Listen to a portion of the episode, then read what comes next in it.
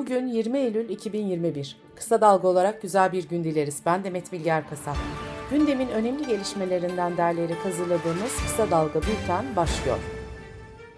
Cumhurbaşkanı Erdoğan, Amerika yolculuğu öncesi yaptığı açıklamada fahiş fiyatlarla ilgili zincir marketler başta olmak üzere sıkı denetimler yapacaklarını söyledi.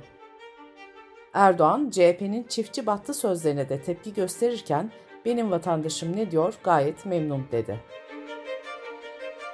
Ankara Uludağ'da Suriyelilerin yoğun olarak yaşadığı ve Küçük Halep olarak adlandırılan Ulubey'de imarsız olduğu belirtilen bazı binalar yıkıldı. Aile hekimliği sözleşme ve ödeme yönetmeliğine karşı iş bırakma eylemi yaptıkları için haklarında soruşturma açılan ve maaşları kesilen 3872 aile hekimi ve sağlık çalışanı istifa dilekçesi verdi. CHP'li Sezgin Tanrıkulu'nun soru önergesini yanıtlayan Kültür ve Turizm Bakanı Mehmet Nuri Ersoy, 2020'nin ilk 9 ayında Rütük'e 1,5 milyona yakın şikayet ulaştığını açıkladı. Rütük 909 kez yayın durdurma, 15.617 kez de para cezası uyguladı. Kocaeli'nin Körfez ve Dilovası ilçelerindeki sanayi tesislerinin yanındaki konutlar kentsel dönüşüm ile taşınacak. Altın Koza Film Festivali'nde en iyi film ödülü Yaramaz Çocuklar filmine, en iyi erkek oyuncu ödülü Ozan Çelik'e, en iyi kadın oyuncu ödülü ise Emel Göksu ve Ayşe Demirel'e verildi. Bültenimize COVID-19 haberleriyle devam ediyoruz. Trabzon'da pandemi döneminde hamile ölümlerinin 7 kat arttığını belirten Sağlık Bilimleri Üniversitesi'nden Profesör Doktor Yeşim Bayoğlu Tekin tüm anne adaylarına aşı çağrısı yaptı. Ankara Üniversitesi Tıp Fakültesinden Profesör Doktor Ergin Çiftçi, COVID-19'u saptadığımız çocukların oranında büyük bir artış var. Test pozitifliği yaklaşık %8 iken şimdi %30'lara yaklaştı diye konuştu. Amerika Gıda ve İlaç Dairesi bünyesinde gerçekleştirilen panelde BioNTech'in 3. doz aşısının 65 yaş üstü için uygun olduğu yönünde tavsiye kararı çıktı. En fazla vaka görülen iller listesinde Rize ve Bayburt zirvede yer aldı.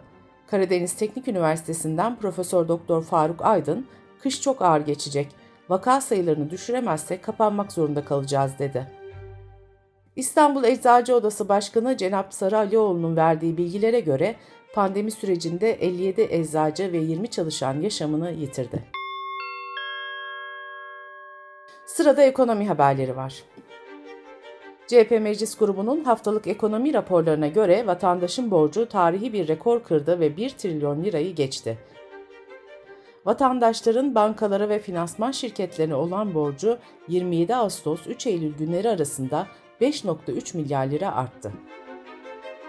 Enerji ve Tabi Kaynaklar Bakanı Fatih Dönmez, 11 kentte 194.097 abonenin elektriğinin geçici olarak kesildiğini açıkladı.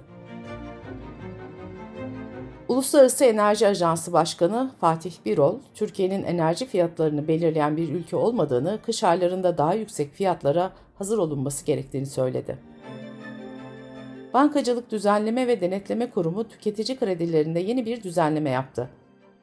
Tüketici kredilerine ilişkin genel vade sınırı kredi tutarı 50 bin liranın üzerinde olan krediler için 36 aydan 24 aya indirildi. Dış politika ve dünyadan gelişmelerle devam ediyoruz.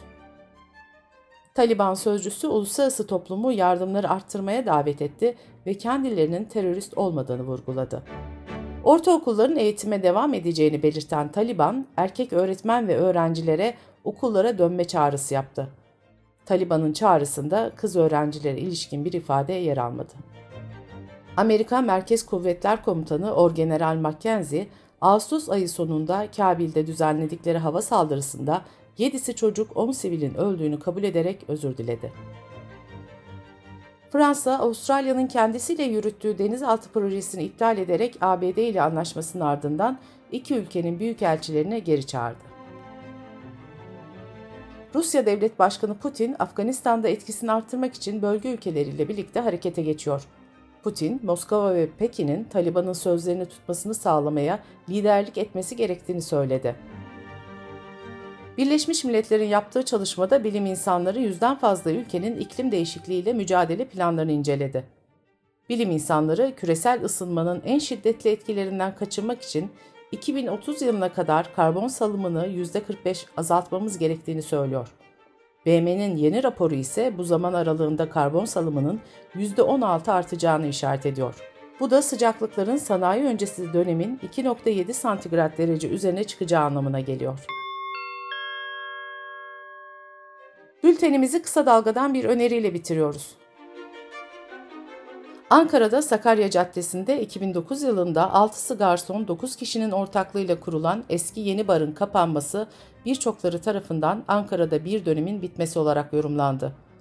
Kemal Göktaş eski yeninin kapanmasını, Sakarya Caddesi'nin dönüşümünü İnan Göçmen'le konuştu.